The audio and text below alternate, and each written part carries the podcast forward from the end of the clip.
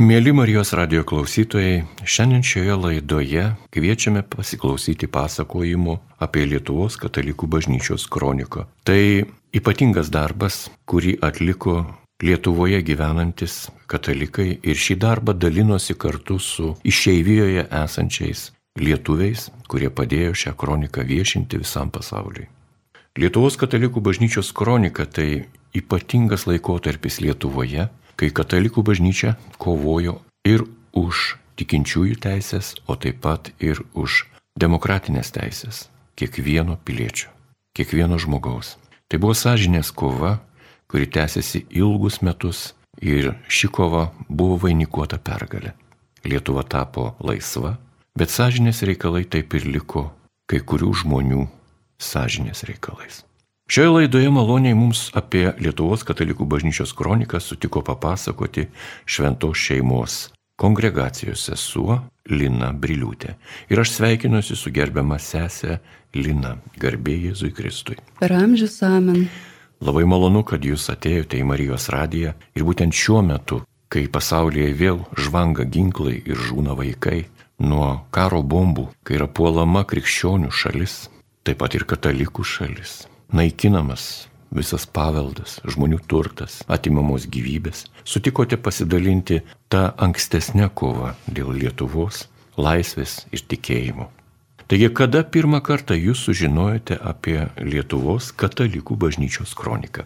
Pats kronikos sumanimas, daugybė žmonių įsitraukimas ir visa istorija su tuo susijusi Tai galima sakyti istorija apie nuostabų Dievo planą, einant iš priespaudos, pavergimų, gniuždymų, bandant žmogų atitraukti nuo Dievo, nuo tikėjimų, išsižadėti savo sąžinės tiesumų, tikėjimo išpažinimo ir ėjimas į žmogaus atsiliepimą į Dievo meilų kvietimą nebijot, pasitikėti, neprarasti drąsos, atsilaikyti pačiam ir kitiems padėti atsilaikyti, nes jo ištikimoji meilė amžina, kaip skaitome 136 psalmėje.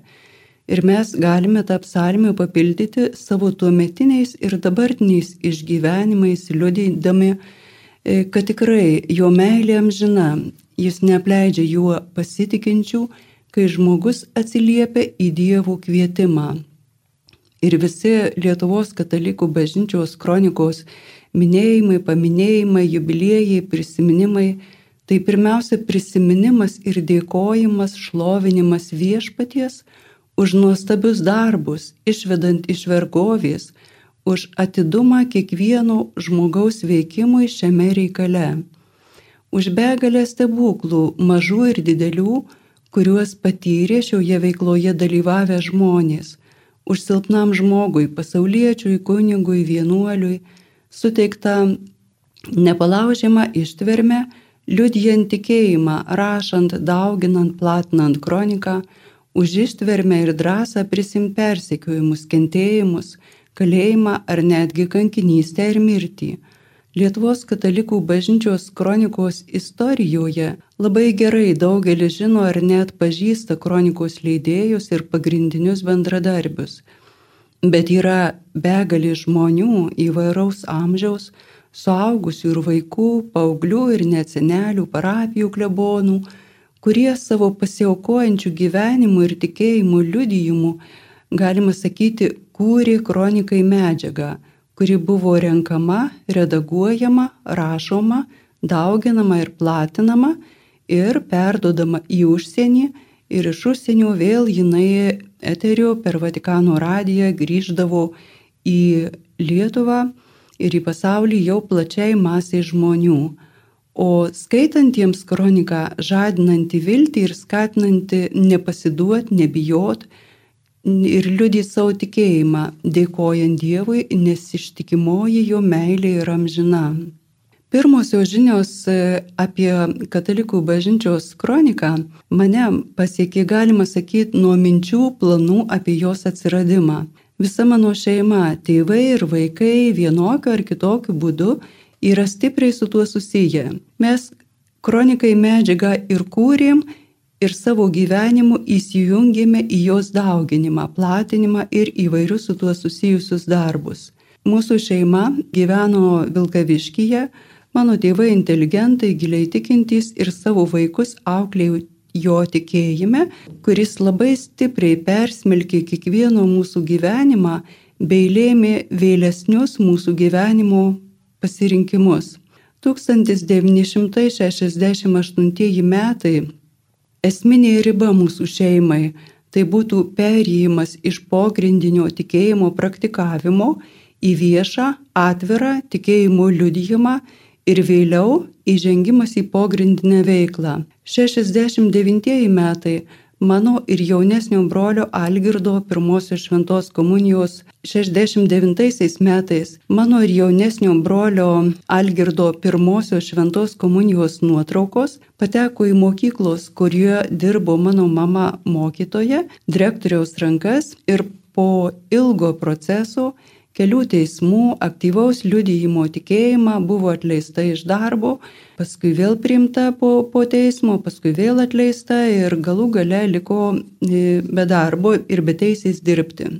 Kunigas Juozas Debskis, kuris buvo mano tėčio bendraklasis ir artimas bičiulis, dažnai pas mus atvažiuodavo, vakarodavo, būdavo daug pokalbių apie Dievą, apie tikinčiųjų padėtį Lietuvoje. Šiuo laikotarpiu maždaug nuo 68 metų 68-69 kartu su juo į mūsų šeimą atėjo ir kunigas Sigitas Tamkevičius, dabartinis kardinolas, degantis tikėjimo uolumu ir veiklumu jaunas kunigas. 69-aisiais jis buvo paskirtas Vilkaviškio parapijos vikaru, tais pačiais metais už parašų rinkimą tarp kunigų dėl Kauno kunigų seminarijoje limito panaikinimo priimant seminaristus nes e, limituojant prieimimą Lietuvoje labai trūkdavo kunigų. Jam buvo atimtas kunigo registracijos pažymėjimas ir uždrausta eiti kunigo pareigas, saugumui tikintis, kad tai sustabdys ar bent stipriai apribos jų taip vadinamą jo vykdomą antitarybinę veiklą, į kurią jis jau tuo metu buvo aktyviai įsitraukęs ir buvo vertinamas kaip aršus antitarybininkas, taigi liko be darbo. Tais laikais bedarbių vadinamų veltėdžiais būti negalėjau. Tai kunigas Sigitas Tamkevičius įsidarbino Vilkaviškio metalo apdirbimo gamykloje paprastų darbininkų ir turėjo atidirbti pilnas šešias darbo dienas, nes tuo metu buvo tokia darbo savaitė, aštuonias valandas kiekvieną dieną ir dirbti kaip ir visi eiliniai darbininkai. Taigi jo laikas kunigiškam darbui ir pogrindinio darbo organizavimui buvo itin apribotas. Mano tėtis, nors nežiūrint to, kad jo mama atleista iš darbo, bet teisės dirbti, pulkas vaikų pasiūlė jam įsidarbinti melioracijoje, kur jis dirbo darbų vykdytojų Prienų rajone. Ir jis nepaisė, nežiūrėjo to, kad ir jam pačiam tai galėjo pasibaigti atleidimu iš darbo.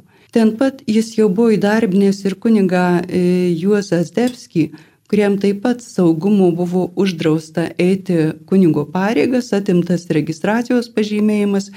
Ir jis juos abu du, pirmiausia kunigas Debskį, vėliau kuniga Sigita Tamkevičių, e, priėmė ir abiems kunigams padėdavo ištrūkti iš melioracijos ir dirbti bažnytinį darbą.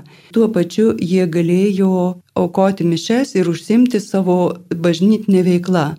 Saugumiečiai greitai įsitikino, kad draudimas dirbti parapijoje tik padėjo veikliems kunigams atitolti nuo jų kontrolės ir tais pačiais metais abiem buvo gražintas kunigų pažymėjimas ir jie buvo paskirti vyskupo dirbti parapijose. Kunigas Gitas Tamkevičius buvo paskirtas dirbti į Simną vikaru. Šiuo laikotarpiu įvairiuose parapijose jau pamažu ėmė atsigauti drąsesnė tikinčiųjų veikla. Vienuolės važiuodavo į parapijas slapčiom katekizuoti vaikus, ruošti įvairias programėlės, o Vilkaviškyje Šiuo metu dirbo šventos šeimos vienuolys. Iš pradžių Janina Buzaitė, vėliau prisijungė Donata Meškauskaitė, kurios aktyviai įsitraukė į jaunimo organizavimą, išraidingai naudodamosis įvairiomis konspiracinėmis priemonėmis, besislapstant nuo saugumiečių. Jos organizuodavo įvairius vaidinimus, re rekolekcijas Ir nemažai vaikų iš e, Vilkaviškį gyvenančių šeimų ar iš kaimų atvažiuodavo ir įsitraukdavo į tas programėlės.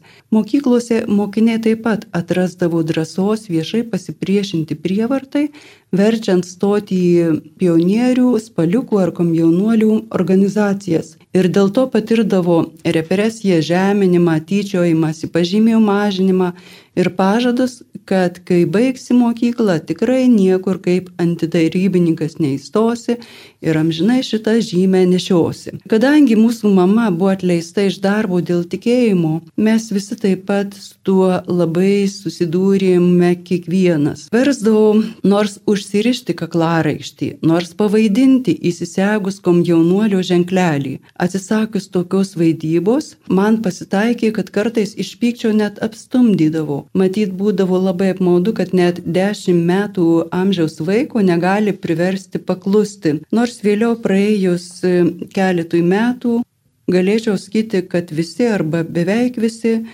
tie mokytojai, kurie buvo labai aršus antitarybininkai, kurie naudojo prievartą vienokią ar kitokią, jie patyliukais paskui susirasdavo, atsiprašydavo, aiškindami, kad na, buvo tokios sąlygos, negalėjo, ne, nemokėjo, ne, neištvėrė ir, ir panašiai ir panašiai.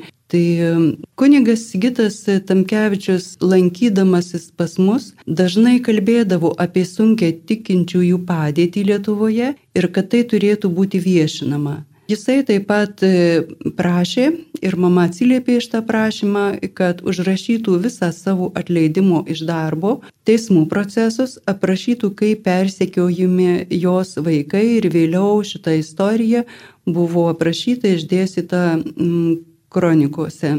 1972 metais buvo išleistas pirmasis kronikos numeris, vėliau sėkmingai ir kiti.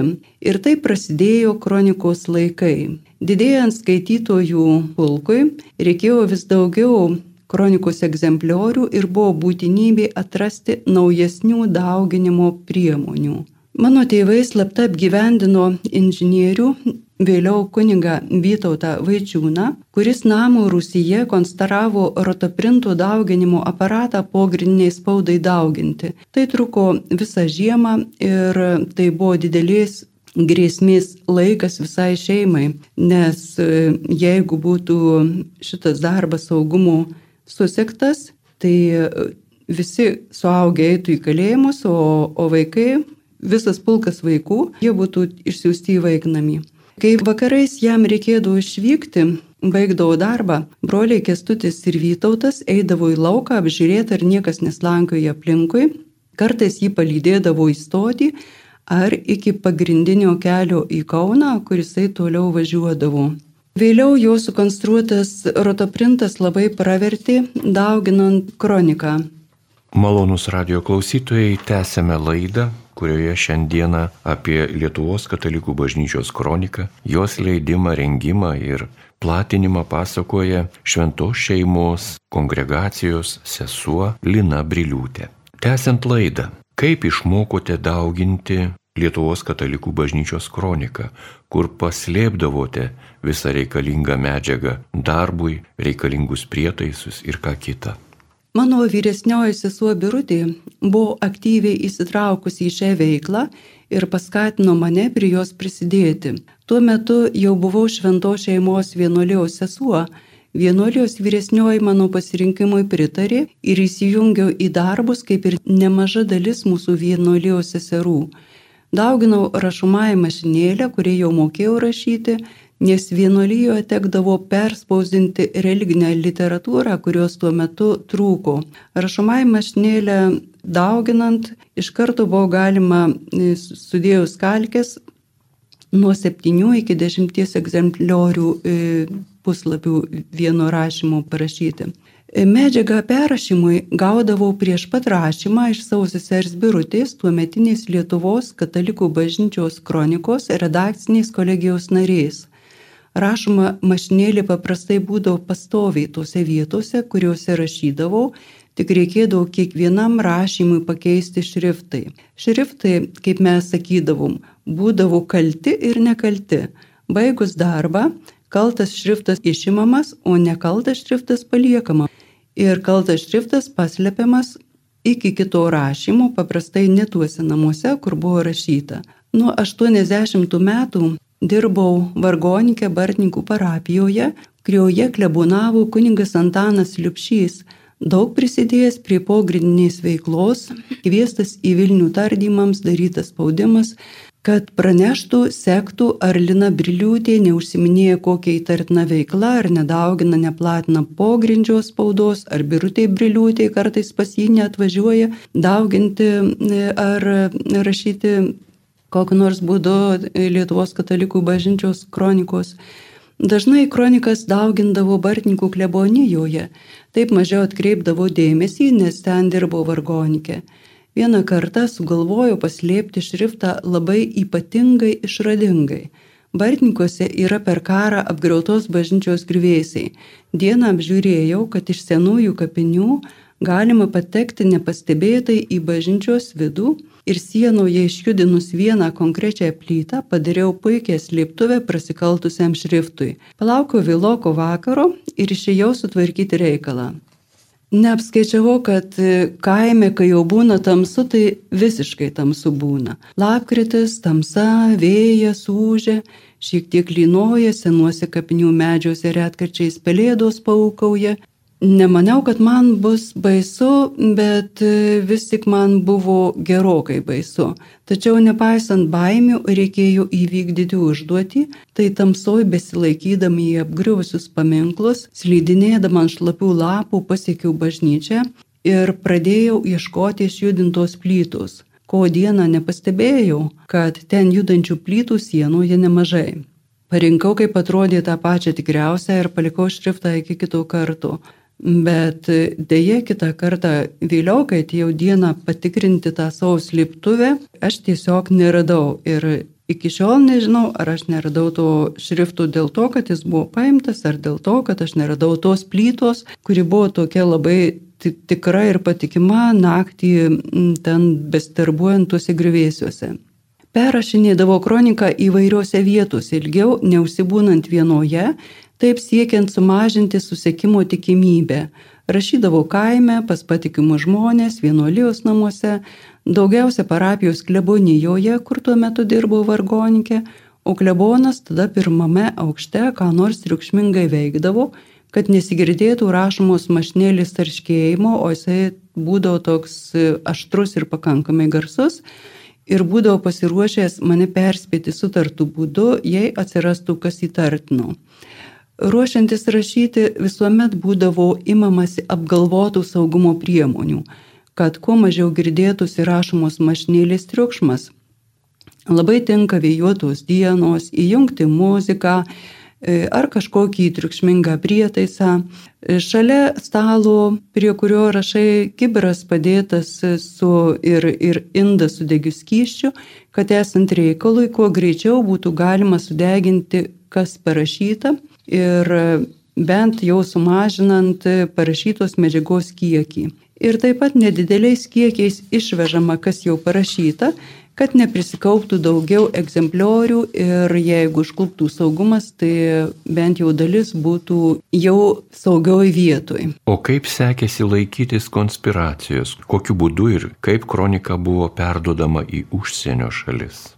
Konspiracija tiesiog buvo kaip gyvenimo būdas, o ir turėjom puikius pavyzdžius, netgi konspiracinius mokymus ir instrukcijas, kaip elgtis tardymo metu. Tai niekada jokiamis aplinkybėmis niekur nepasirašyti, nepriklausomai nuo to, ar lapas tuščias, ar pilnas, ar perskaitai, ar neperskaitai, kategoriškai nepasirašyti.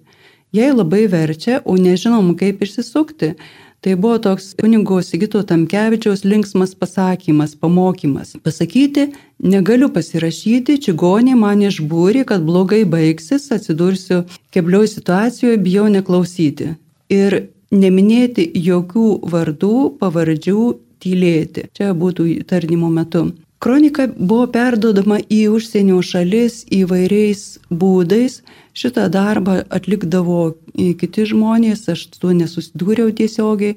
Tai buvo labai apgalvoti, išradingi būdai. Iš pat pradžių buvo bandyta ant balto audeklo išspausdinti, paskui įsiūti į drabužius, vėliau mikro juostos, kurios būdavo dedamos į dantų pastos ten tubelės ir įvairiais visokiais tokiais būdais. Ir visi laukdavom, ar naujas numeris sėkmingai pasieks užsienį, o tai praneždavo per Vatikano radiją, kai jau išgirdom, kad yra naujas numeris ir, ir jį skaitydavom. Kaip apie jūsų veiklą atsiliepia artimieji jums žmonės? Vienuolyno seseris, jaunimas, kurį pažinojote, gyvisko tikrai nuslėpti tuo metu nebuvo įmanoma. Kokie buvo santykiai tarp kitų pogrindžio bendradarbių? Apie tai, kad dalyvauju kronikos dauginime, platinime, žinojau mažai, tik išimtinai tiesiogiai su tuo susiję žmonės. Ir žmonės kiek įmanoma buvo saugomi nuo informacijos, jei nėra būtinybės jos žinoti. Žinojimas slaptos informacijos žmogų įpareigoja ir kelia jam įtampą, kad kokiu nors būdu neprasikalbėtų ar tardymo metu neišduotų. Buvo neprimta uždavinėti klausimus apie tokias veiklas, o jeigu kas klausdavo, tai jau keldavo įtarimą ir būdavo atsakoma visada vienodai. O kodėl tu klausi? Ar tau liepi kas nors to klausti? E, visa mūsų šeima, tėvai ir visi vaikai nuo vaikystės ar ankstyvos jaunystės buvo vienokiu ar kitokiu būdu įsitraukę ir gyveno nuolatiniuose persekiojimuose bei nuolatinėme buvime saugumo akiratyje. Tai buvo mūsų gyvenimo būdas, taip pat ir, ir vienuolynė. Santykiai tarp pogrindžio bendradarbių buvo nuoširdus, padrasinantys, saugojantis vieni kitus. Kokie buvo pirmieji susidūrimai su KGB pareigūnais? Galbūt reikėtų iššifruoti. Tai yra jeigu šifruotai čia būtų iš rusų kalbos. Lietuviškai skambėtų kaip Valstybės saugumo komitetas. Kaip laikėtės per tardymus? Pirmieji susidūrimai, kai man buvo 10-11 metų, Vilkaviškėje dirbanti šventos šeimos sesuo Janina Buzaitė, vėliau Donata Meškauskaitė, organizuodavo įvairias programėlės, religinius vaidinimus, su kuriais mes važinėdavom po kitas parapijas, rekolekcijas ir pasitaikydavo, kad nesuveikdavo konspiracija ir saugumas susekdavo, užpuldavo ir vietoj patardydavo Kitiems pavykdavo pabėgti ar pasislėpti, vaikus gazdindavo, klausinėdavo, tardydavo, bet būdavom sustarę, švenčiamas kieno nors vardadienis ar gimtadienis. Švento šeimos vienuoliaus sesuo Donata, kai jau buvau paaugusi, 12-13 metų, Mane veždavosi į apaštalinės kelionės po kaimus ir mažus miestelius. Ji katechizuodavo vaikus, o aš mokiausi, kaip tai reikia daryti, kartais jai padėdavau, o saugumo išklupus suktis iš padėties. Iš šių kelionių būdavo ir kronikai medžiagos apie persekiojimus. Tai buvo gili dvasinė patirtis, sesuo Donata buvo labai gilaus dvasinio gyvenimo vienuolį. Keliaudamos po kaimus, miestelius, kartais užsukdavom pavalgyti į valgyklas ir prieš valgy po valgio visada persižegnaudavome ir pasimelsdavome. Tai būdavo visuomet didelis įvykis aplinkiniams, keliantis nuostabą, kaip taip galima drąsiai elgtis, jų gali kas nors pamatyti. Suaugus ir įsitraukus į pogrindinę veiklą, tai būtų nuo 80 metų, susidūriau su saugumu, su saugumiečiais ir tai jau buvo visai kitokie ir pasiekmės grėsė kitos, bet vaikystės paauglystės patirtis buvo gera repeticija. Ką svarstėte tuo met, kai buvo daromos kratos jūsų akivaizdoje ir buvo užfiksuotos jūsų redaguotos žinios? 1980 metais pirmoji rimta krata Kapsuke Marijampolėje vienose iš vienuolijos namų, kuriuose gyvenau. Tuo metu jau buvo vienuoliai. Grįžau iš paskaitų, buvo visai tuščia gatvė ir nieko prie namų nebuvo. Kai jau į kiemą labai netikėtai, nežinia iš kur, apsupo keli vyrai ir sakė nesidairant eiti į namus. Supratau, kad reikalas rimtas ir jaudintis yra e, dvi priežastys. Namuose buvo pirmasis naujo numerio kronikos egzempliorius paruoštas dauginimui. Aš jį buvau padėjusi tarp kelių žurnalų, o žurnalai virtuvėje ant spintelės tiesiog taip paprastai padėti. Taigi viskas prieš akis. Tikėtis galima kalėjimo ir tardymo. Ir kita priežastis, dėl ko aš bijojau, na, šita krata sukėlė labai dėlį įtampą. Tuo laikotarpiu studijavau nuotoliniu būdu Maskvos meno universitete tapybą ir restauraciją. Namuose restauravau atvežtą iš bažnyčios didelės meninės vertės nuo kryžiaus nuimtą maždaug nedidelio žmogaus ūgio krucifiksą, kurį antrame namo aukšte esančiame kambaryje buvau paguldžius ant stalo, kad būtų patogu dirbti, o kai nedirbdavau, užtiesdavau baltą draugulę ir jinai truputį buvo trumpoka ta medžiaga ir kišodavo kojų pirštų galiukai. Tai baimė ir brangaus meno kūrinio konfiskacija ir tas krucifiksas nebuvo nei, nei mano, nei vienuolijos ir turėjo jisai aukštą meninę vertę. Mintis buvo viena - Dieve, tegul jie nemato, kas akivaizdu ir neliečia, kas ne jų. Saugumėtis Baumela iš Vilniaus ir, ir kviestinė lipo į antrą aukštą, pirmą jau ten pakratė ir to kronikos numerio, kuris buvo tarp žurnalų padėtas, ji iš viso net nepalėtė ir net nežiūrėjo. Ir tokiu būdu tas liko ne, nepastebėta. Ir pirmam aukšte buvo vieni, paskui jis lipo su kviesne į antrą aukštą, užlipus laiptas ir ten atidarytos durys ir tiesiai prieš tas duris yra stalas, buvo stalas su krucifiksu Ir kai ta moteris jau palypėjo truputį į viršų, aš girdžiu tiesiog baisų isterišką klyksmą - lavonas, lavonas ant stalo. Juokas labai mane paėmė ir jinai taip matyt lošėsi atgal iš to siaubo, bet iš paskos ėjau saugumėtis ir ją sulaikė. Na ir, ir paskui ten apžiūrėjau, kas yra ir visa kita, kad lavono mes neslepiam. Ir jie į tą kryžių, tą viešpatį ant stalo visiškai nesureagavo, taigi jisai liko savo vietoje. Po kratos buvo iš karto vietoje tardymas ir pažadas, kad pasikvies dar į Vilnių tardymui, nes iš esmės jie ten nieko nerado be pundelių kalkių ir spausdinimo popieriaus. 1987 metais kovo mėnesį krata tėvų namuose Vilkaviškyje trukusi penkias valandas. Atvyko pulkas vietinių ir iš Vilniaus saugumiečių kviestiniai vietiniai saugumiečiai iš Vilniaus ir visada būna saugumiečiai kviestiniai. Viskas buvo labai netikėta. Po Šventų mišių parapijoje Bartninkuose klebonas Antanas Liupšys mane parvežė į Vilkaviškį, nes reikėjo man važiuoti toliau į Marijampolę, bet norėjau aplankyti tėvus ir pakviečiau ir jį užeiti. Kaip visada, nuo šaliojo gatveliai buvo tylu, tuščia ramu, vos priejos prie namo durų, staiga nežinia iš kur prišoko keli vyrai ir įsakmei liepė tylėti ir eiti į vidų. Kratos tikslas - surasti ir paimti šmeižikiško turinio literatūrą ir dauginimo priemonės. Namuose buvo tėtis su mama, mano jauniausioji sesuo Teresėlė ir aš su klebonu Lipšiu. Visa krata užtruko penkias valandas. Namas dviejų aukštų palėpė, rūsys, darbo jiems buvo tikrai daug. Vos pradėjus kratą, iš karto pirmame aukšte rado išspausintos kronikos, pundelį ir kalkių, kurios buvo naudojamos spausdinant. Tai juos labai pradžiugino, iš karto dosniai pažadėjau keletą metelių valdiškose namuose, o rastą grobį padėjau kambarį ant stalo kartu su kitais rastais popieriais ir vieną iš kviestinių aršiai, tikrai aršiai nusteikusią moteriškę paliko saugoti, kad nebūtų jokių fokusų, kaip jie sako, o jeigu kas, tuo kviesti juos, nes jie ėjo krėsti antro aukšto ir palėpės, o daiktų jau ten buvo daug. Kambaryje su kviesne buvo kunigas e, Liupšys ir aš. Kviestinė nuo įtampos nuvargo ir atsisėdo gretimame kambaryje prieš atidarytas duris, kad tiesiai prieš ją būtų stalas su radiniais, kuriuos jai reikia saugoti akilai. Aš sėdėjau prieš juos kitame kambaryje, prieš mus buvo stalas. Susižvalgėm su klebonu ir supratom, kad kažką reikia daryti. Jis pradėjo kalbinti tą moterį ir ji labai išnekėjo, atsipalaidavo.